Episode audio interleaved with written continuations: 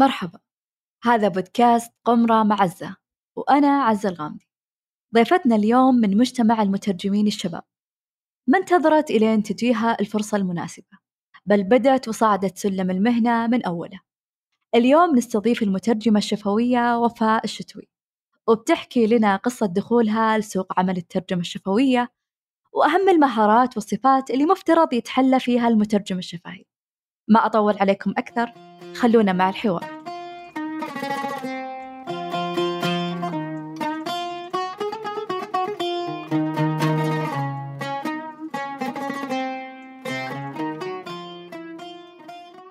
آه، أول شيء صراحة حابة أشكرك على تواجدك معنا اليوم في البودكاست. آه، من زمان وأنا كان ودي أسمع تجربة وفاء وكيف قصتها مع الترجمة الشفوية فمتحمسة صراحة. تقريبا أول ما أول مرة التقينا وفاء كانت يمكن 2017 2018 وعرفتك مباشرة أو التصور الذهني اللي جاب بالي وقتها خلاص وفاء ترجمة شفوية ويمكن بالتحديد كمان ترجمة فورية.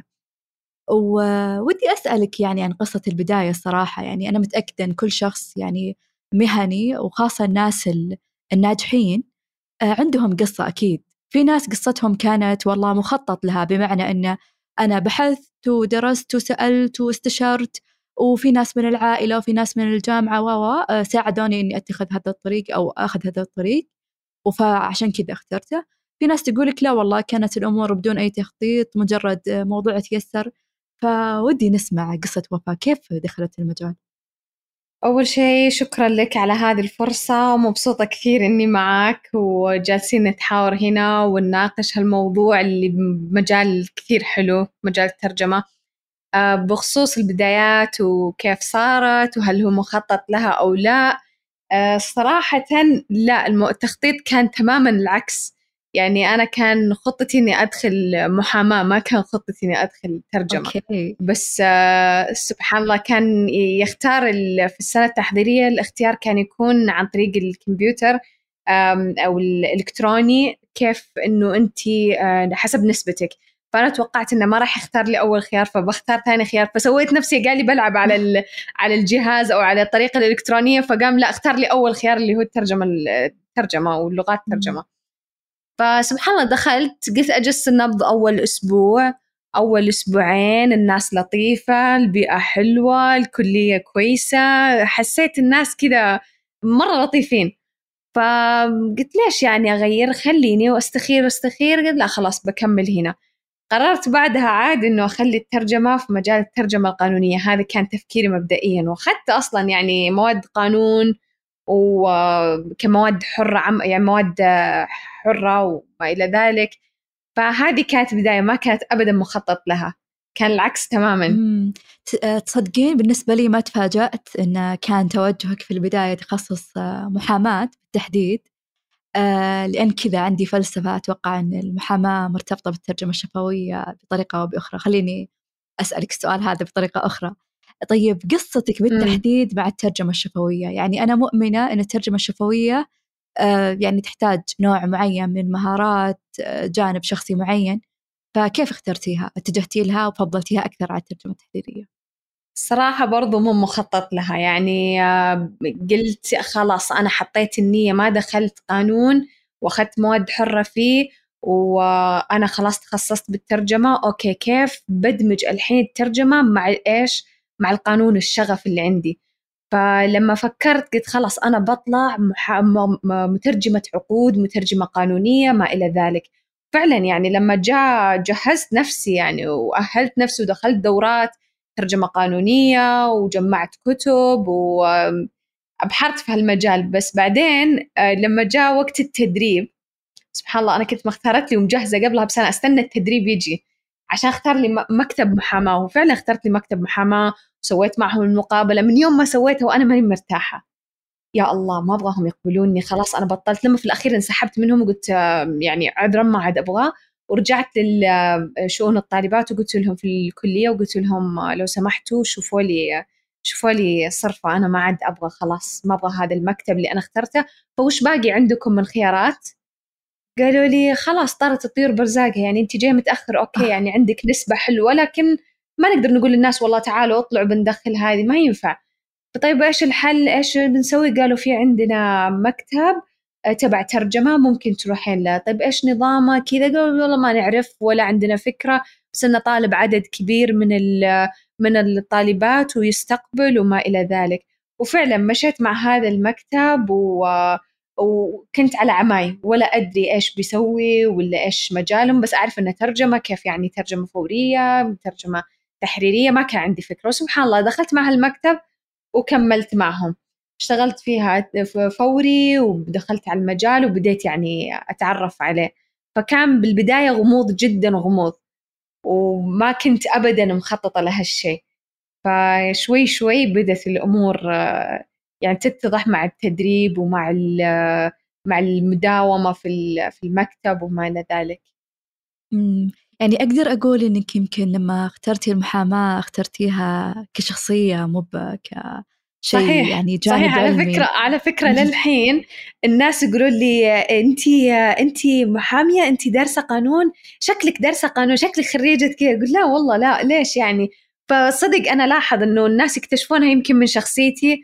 في نفس الوقت يعني آه، كيف أقول لك في ناس من من حوالي يعني في القانون وكذا فحسيت إنه ليش لا؟ عرفتي كيف؟ كانت وقتها هبه البنات في القانون. آه. فكانوا أوكي. البنات داخلين وبقوة في مجال القانون.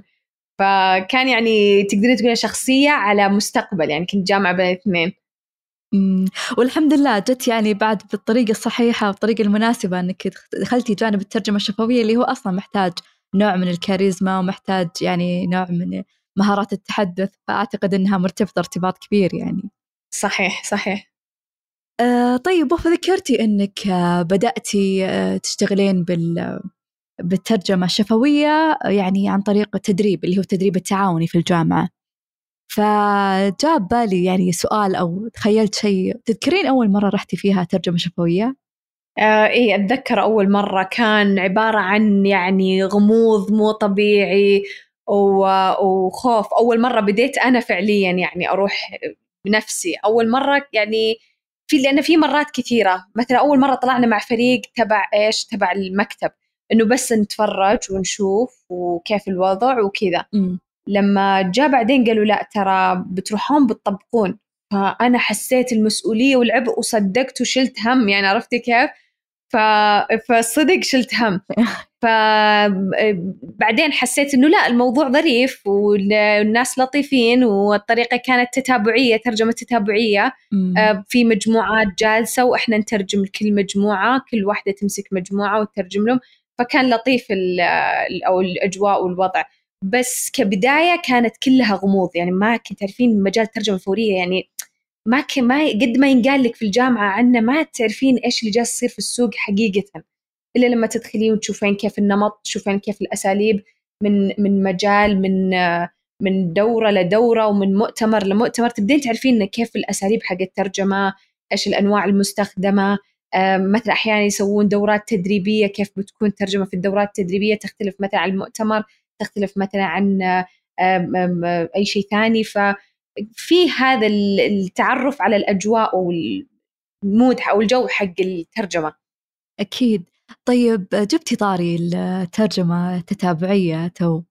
وأكيد يعني الكل عارف أن في فرق كبير واضح بين الترجمة التتابعية والفورية.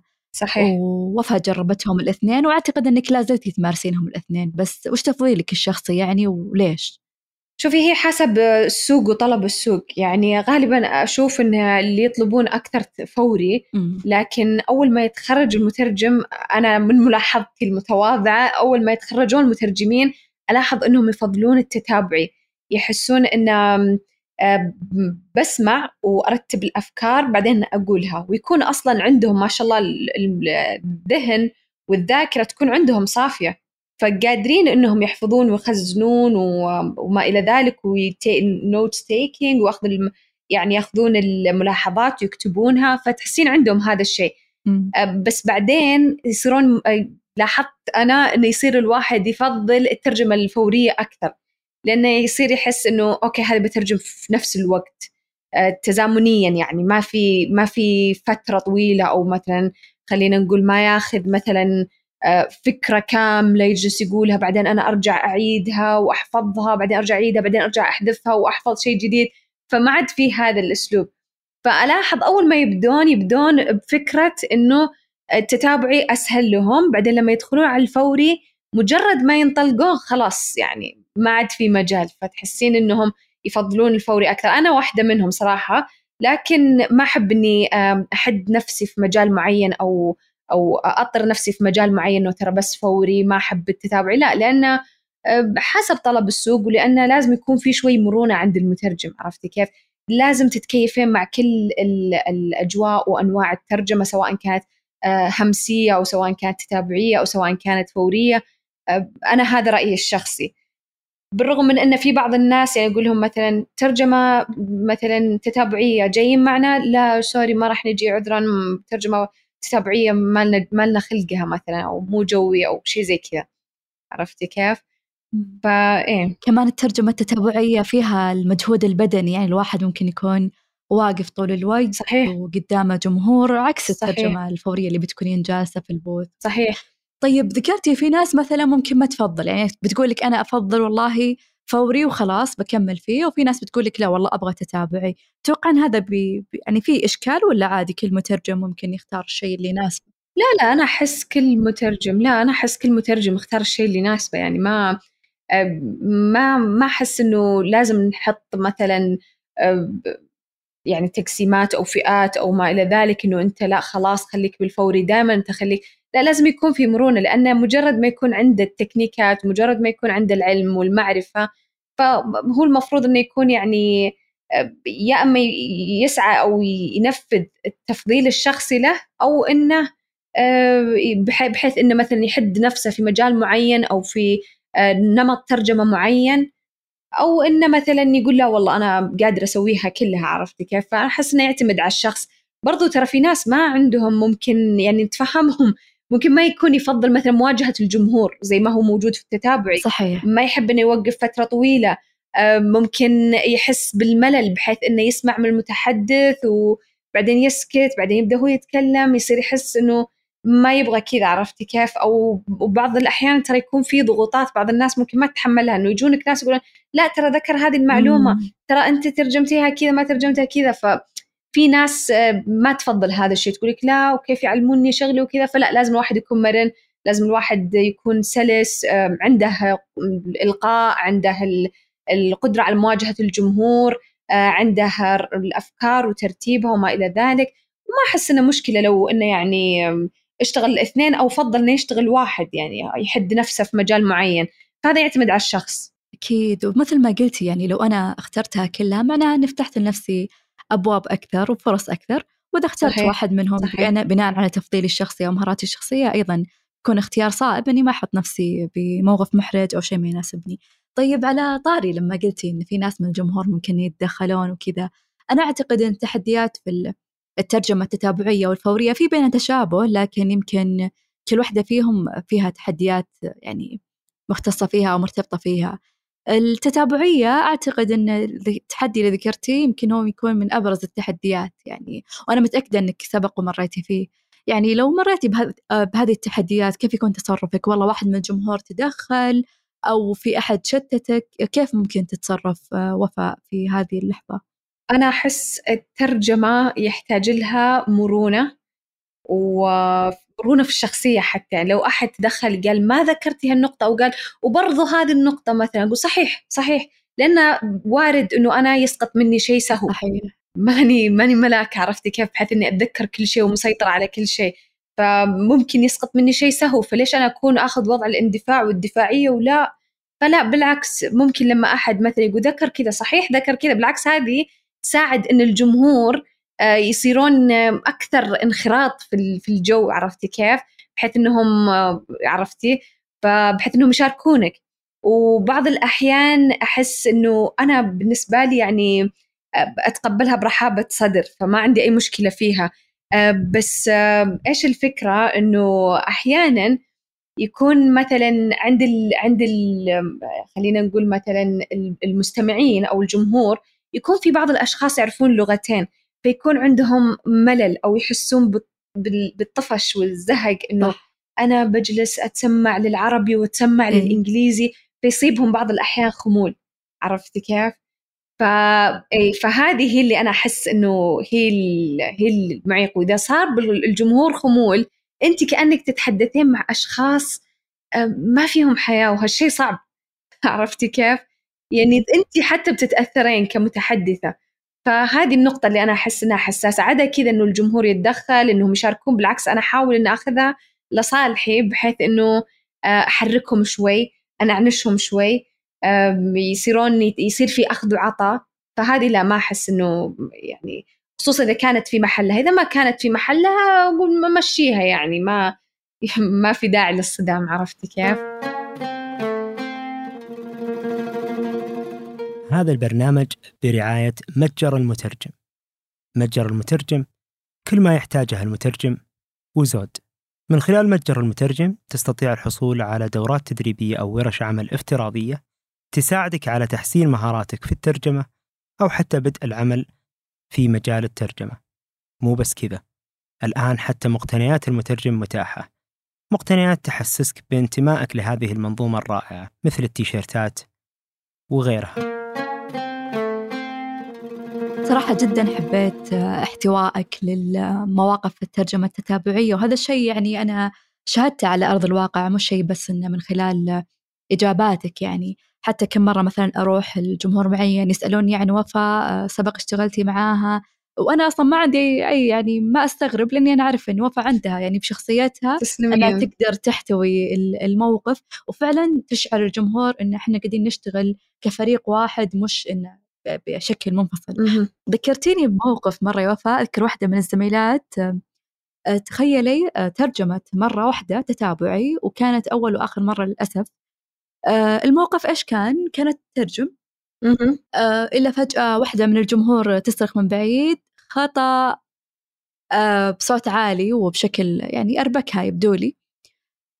بعدها فعلا تأثرت وبعد يعني خلاص كانت مثل ما قلت لك التجربة الأخيرة. فقعدت أفكر يعني هل المترجم آه، آه، شفوي بشكل عام وتتابعي بشكل خاص يحتاج هذا النوع من التهيئة قبل لا يدخل سوق العمل؟ لأن يمكن هذا النوع بيخفض عليه نسبة الصدمة أو يقدر يتعامل مع هذه المواقف.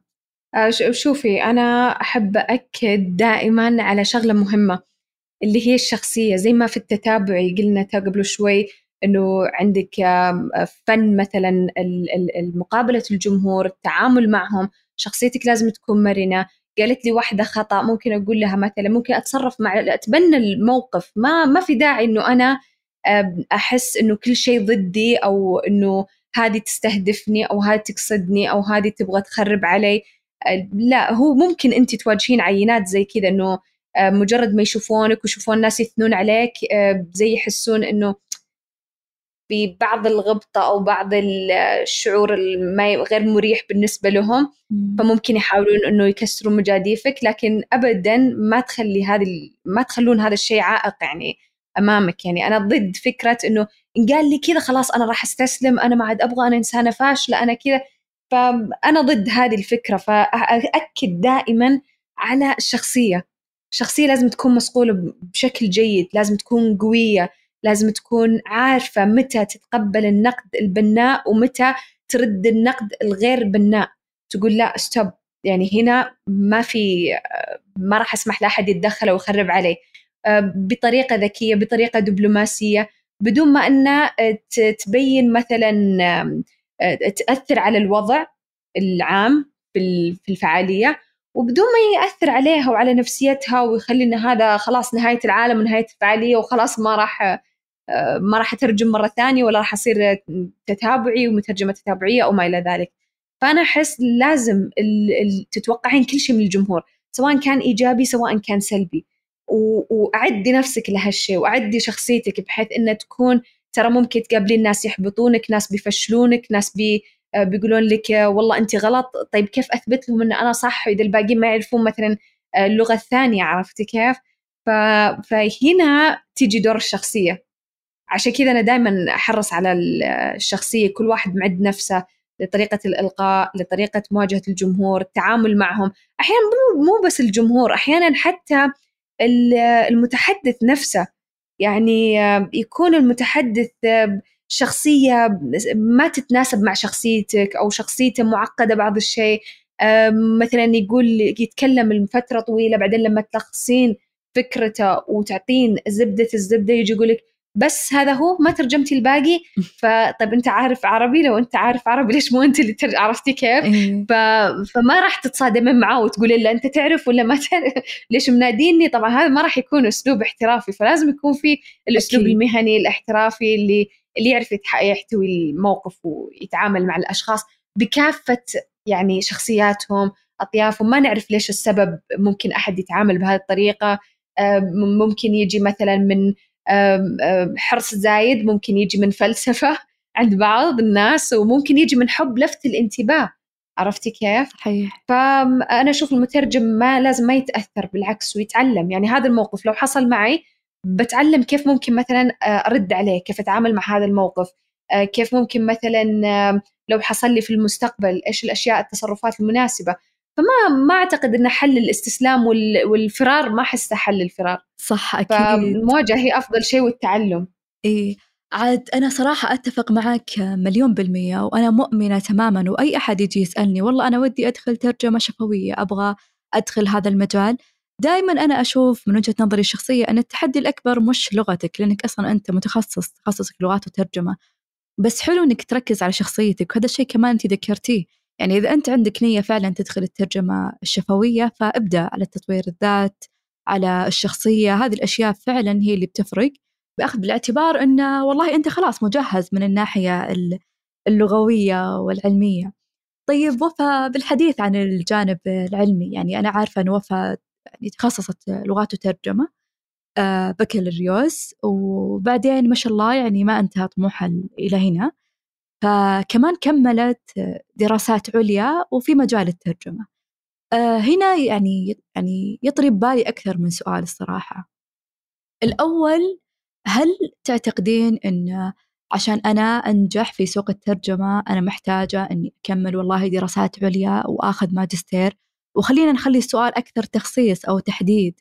عشان أنجح آه، بصفتي مترجمة شفوية هل مفروض آخذ ماجستير؟ إذا كان جوابك إي قولي لنا كيف. وإذا كان جوابك لا اشرحي لنا طيب ليش أخذتي هذا المسار وكملتي ماجستير؟ حلو السؤال حلو.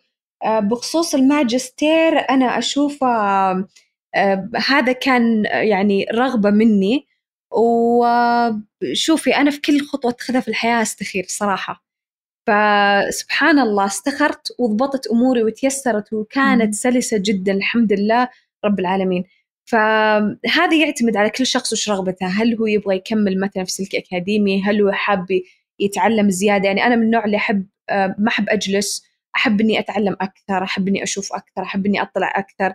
فهذه هذه هذه شخصيتي. فعشان كذا أنا فضلت. وقلت إذا ضبطت إذا فيها خيرة يعني إن شاء الله ربي بيسرها لي. وفعلا تيسرت لي. هل هي أساس عشان أكون محترفة في مجال الترجمة الفورية؟ لا.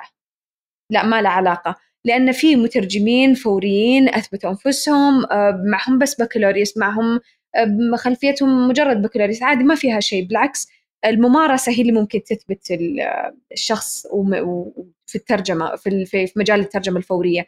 آه، أما مجال التخصص الماجستير للترجمة هو في الواقع أكثر أكاديمي نقدر نقول. يعني بيفيدك من الناحية الأكاديمية. ما أشوف إنه يعني يفيد في المجال الفوري. فوري عبارة عن ممارسة عبارة عن اطلاع أكثر عبارة عن يعني آه هذه الأشياء. لكن من ناحية أكاديمية ممكن يفيدك الماجستير. من ناحية أنه أنت إنسان عندك شغف للدراسة لل للتعلم آه زي ما يسمونهم على قولتهم nerd يعني. فإذا أنت من هذه النوعية okay روحي لجو الماجستير. إذا أنت تقولي لا والله أنا مو كثير يعني طموحي ولا ما مو حابة أدرس ما صدقت أخلص ما دكتور ما خلصت صدق ما صدقت أخلص عفوا آه، بكالوريوس. وقتها okay تكتفي وتجرب الممارسة، الممارسة هي اللي تلعب دور في المجال الترجمة الفورية. فهذا من وجهة نظري ما هو إجباري إنه الواحد ياخذ خصوصا الحين أصلا السوق صراحة ما يشوف ما يشوف شهاداتك كثير أول ممكن كانوا يشوفون شهاداتك الحين يشوفون منتجاتك. يعني أعطينا شيء سمعينا ترجمة لك أعطينا مقطع مثلا من ترجمة ترجمتيها في مؤتمر نبغى نشوفك وانت تترجمين تعالي ترجمي عندنا نبغى نقيم ترجمتك ونشوف قادرين نفهم عليك ولا لا. نقيمها نشوف هل هي سلسة واضحة نقدر هذا اللي يسوونه. أما فكرة إن معك ماجستير ولا بكالوريوس لا هذا ما له علاقة أبدا أشوف ما له علاقة. آه طيب وفاء بالحديث عن ملف الأعمال اللي ذكرتيه يعني لما أكون أنا مترجم تحريري ملف أعمالي بسيط يعني بجيب النص الأصل وترجمتي وخلاص يعني برسلها للعميل ويعني وقيسي عليه أي أي شيء ثاني مرتبط بالكتابة يعني. مثلا كتابة المحتوى وغيرها. بس ترجمة شفوية كيف ممكن أجهز يعني ملف أعمالي؟ حس مو قادرة أتخيل.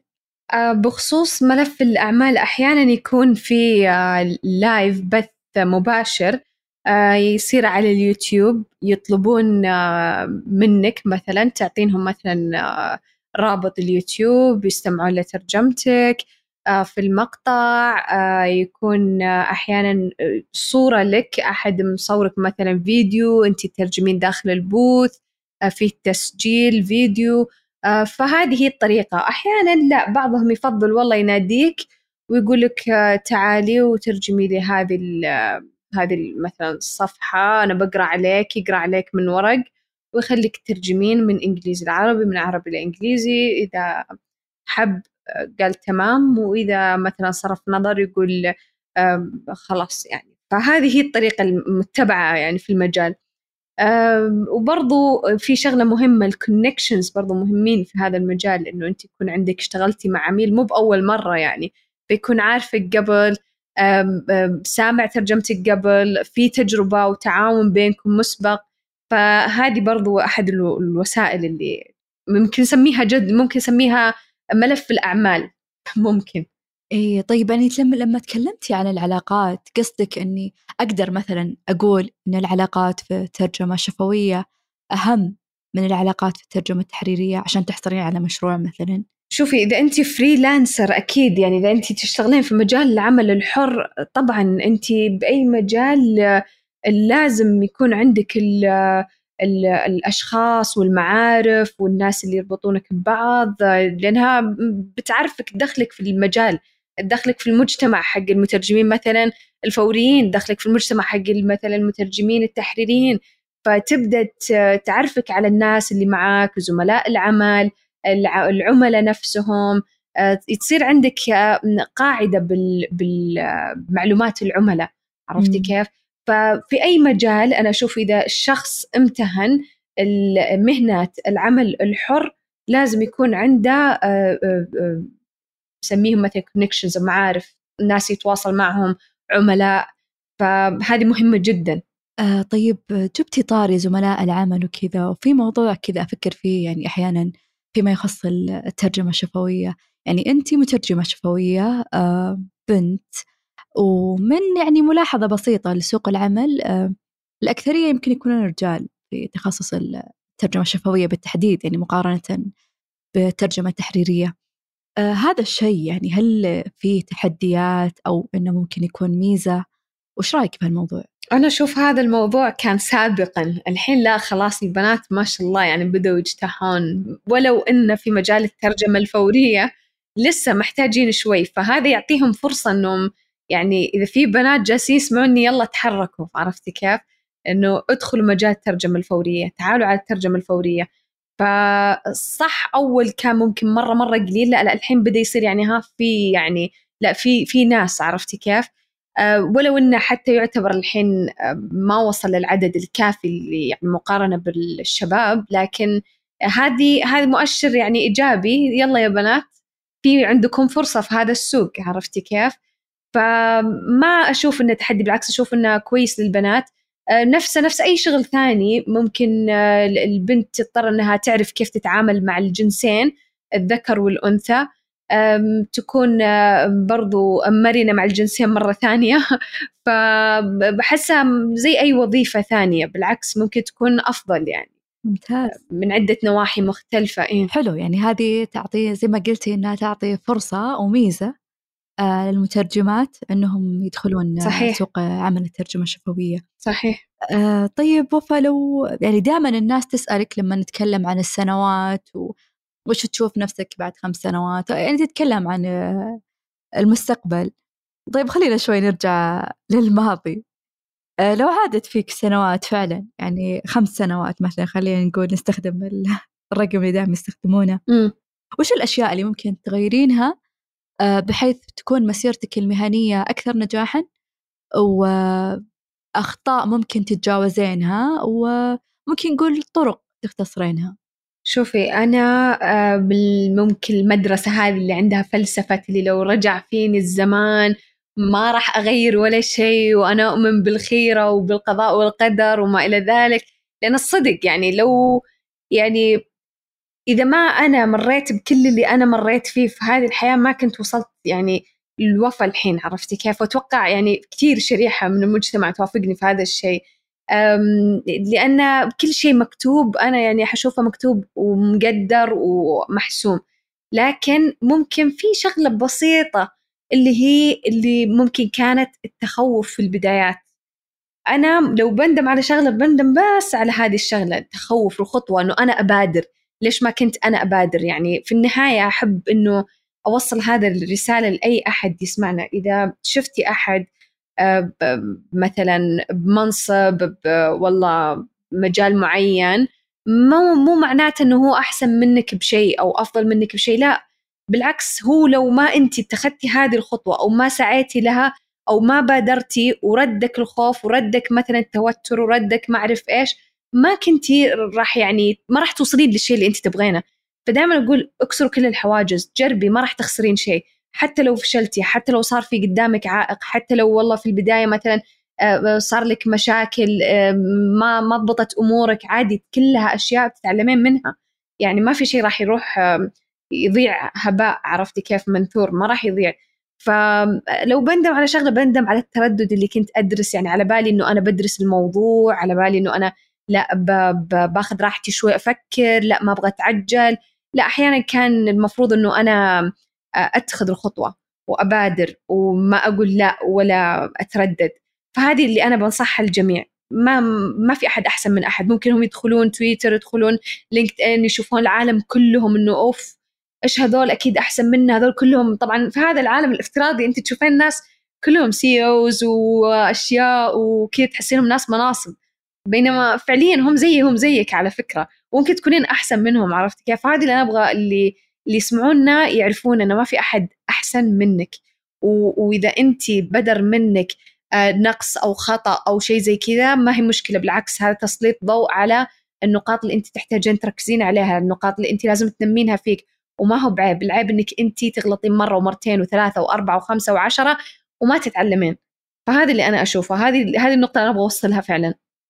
أكيد ودائما أصلا يعني يقولون إن التردد مقبرة الفرص وفعلا هذا يعني صحيح. فخ يقع فيه كثير من الخريجين الحديثين مبتدئين في أي مجال جديد يبغون يدخلونه دائم عندهم على قولتك يشعرون إنهم صحيح. أقل بطريقة آه، تخليهم يرفضون عروض وأشياء مرة تناسبهم بس لأن صحيح. كان عندهم آه، مجرد آه، شعور. تو قاعدة أشوف التاريخ تاريخ اليوم. واشوف ولا 29 أوغست. ف لحظة شكل هذا أقدر أقول إن حنا بعز الموسم أو بادين عز الموسم. ولا إيش رأيك؟ ترجمة شفوية مواسم ولا لا؟ صحيح هي هي هي صحيح. في في الترجمة الفورية مواسم مثلا تلاقين مواسم فيها ركود ومواسم تزدهر. خصوصا يعني بعد الجائحة الحمد لله عدت على خير. رجع السوق وانتعش بشكل كبير جدا. في عندك مثلا مواسم زي الحج زي العيد الأعياد تخف فيها لأن الأجانب يروحون يتعيدون مع أهلهم. أحيانا المسلمين هنا عندنا مثلا أعياد العيد الفطر وعيد الأضحى إحنا نلها ونتعيد مع أهلنا. عندك الحج يعني يمكن وزارة الحج مشكورة يمكن هي اللي تبذل جهود في الترجمة تبذل سواء تحريرية أو حتى الفورية والإعلامية يعني مع مع تلفزيون وما إلى ذلك يسوون مثلا قنوات بث مباشر فيها ترجمة أحيانا فورية موجودة فيها. يترجمون برضو الخطب ويترجمون المنشورات يترجمون أشياء كثيرة. فبس هذا الموسم الحج هو اللي يمكن هم اللي الوحيدين اللي شغالين فيه على قدم وساق يعني فيشكرون. أما الباقيين لا تلاقينهم يعني يبدأ يخف. يبدأ يخف الموسم الناس تلهب العبادات في رمضان نفس الشيء. نادرا ما يكون في في رمضان فيكون في هذه المواسم اللي فيها مواسم العبادات مواسم الأعياد اللي شوي تخف فيها. بعدها تبدأ ترجع تنتعش. ففعلا هي مواسم طيب هل في مثلا شهر معين تقولين والله أنا كل سنة متعودة هذا الشهر؟ راح يكلمني. أنا كله بيكون ترجمة شفوية مثلا. في شيء زي كذا نقدر نحدده ولا مو مو بالضرورة يعني؟ في في فعالية. لا مو بالضرورة لكن في لأن أحيانا الجهات تختلف بحسب الطلب. بس في جهات تكون مثلا مبرمجة نفسها على إنه هذا الشهر هذا التاريخ من هذا الشهر خلاص إحنا معتمدينه مثلا آه، لفعاليتنا الفلانية مثل زي ملتقى الترجمة مثلا نوفمبر أو ما إلى ذلك. فيكونوا محددين مثلا شهر وأيام معينة من الشهر الفلاني كل مرة كل سنة يقيمون فيه فعالياتهم. لكن مو بالضرورة أن تزدحم فيه الفعاليات. لا هي هي نقدر نقول موسمية بحسب الأشهر آه، إذا كانت أشهر عبادات أشهر أعياد وما إلى ذلك. فتعتمد إيه. آه لما تكلمتي عن الجهات المتعددة أو الفعاليات اللي تقام ذكرت جانب مرة مهم الصراحة اللي هو بالترجمة الشفوية أنه آه أنا مترجم شفوي بس أتعامل مع تخصصات مختلفة. آه ممكن يوم أكون في حدث طبي وبكرة فرشة عمل هندسية وممكن الأسبوع الجاي تشوفوني أترجم شيء قانوني. ففعلا الترجمة الفورية يعني مهارة استثنائية. ومثلها مثل أي مهارة ثانية آه، ضروري إن نمارس ونتدرب ونكون على اطلاع دائم. آه، أذكر مرة يعني حكيتي لي عن أحد الطرائق اللي تستخدمينها في في التدريب التدريب الذاتي أو المستمر على المهارة. قلتي لي أنا وأنا بطريق سفر عادي إني أفتح أي مقطع صوت وأبدأ أترجم معاه بدون يعني توقف لمدة مثلا ساعة أو كذا آه، فهل هذا الشيء يعني هو الطريقة الوحيدة اللي تمارسين فيها الترجمة وتدربين فيها خارج نطاق العمل ولا في طرائق؟ شوفي هي كل شخص ويعتمد كيف أسلوبه أنا بأسلوبي أحب إنه آه، أسمع وأتكلم في نفس الوقت يعني أستمتع يعني تصير كأنها متعة عرفتي كيف؟ ففي طرق ثانية مثلا زي الدورات التدريبية الناس يدخلونها في الواحد بس أنا أحب تطوير الذات اللي يكون آه، الشخص يدرب نفسه بنفسه يدرب وهو يتدرب وهو مستمتع. مثلا زي ما قلتي طريق السفر أحيانا نمل وإحنا في طريق السفر فالواحد إيش يسوي؟ يشغل الراديو. أوكي مشغل الراديو. طبعا إذا ما راح تطوشين اللي جنبك وما راح تزعجينهم وكذا ف يعني أصلا غالبا أنا أسويها زي إيش؟ زي التحدي مثلا مع اللي معاي.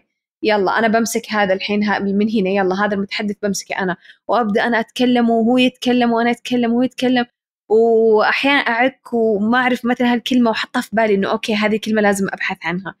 فهذه طريقة ثانية برضو إنك انت لما تنتهين من الحكي كله ومن ال... من التمرين هذا كله انت ستلم جمع مفردات غريبة عليك أو ما أنت متأكدة منها أو جديدة عليك. كيف أفضل طريقة أنها تترجم؟ فهذه تكنيكين الحين استعملتي تكنيك اللي هو التدريب وتكنيك إنه أنت خزنتي خلال هذه الفترة من الترجمة عدد من الكلمات اللي أنت كانت آه، حابة إنك تبحثين عنها فأعطي المجال لي وأعطيه بعدين لغيري ونبدأ كذا يعني زي الحماس عرفتي كيف؟ لأنه في كثير ناس يقولوا لك إنه إنجليزي عادي يعني إيش ترجمة وما ترجمة مسوين أنفسكم وما أعرف إيش وجالسين تتفلسفون. فاحب إنه أنا ألعب معهم هذه اللعبة إنه يلا طيب أنا ببدأ أترجم ويلا وروني أنتم إيش عندكم. فتصير يعني تسلي وفي نفس الوقت بالطريق وما عندك شيء وممتعة يعني عصفورين بحجر على قولتهم. جميل حبيت إنك دخلتي جانب المتعة بالتعليم والتدريب وهذا أصلا يعني له نظريات مستقلة في جانب التعليم والتدريب. وكمان خلاني يعني أقدر أقول إنك اخترتي الشيء نرجع لموضوع الشخصيات.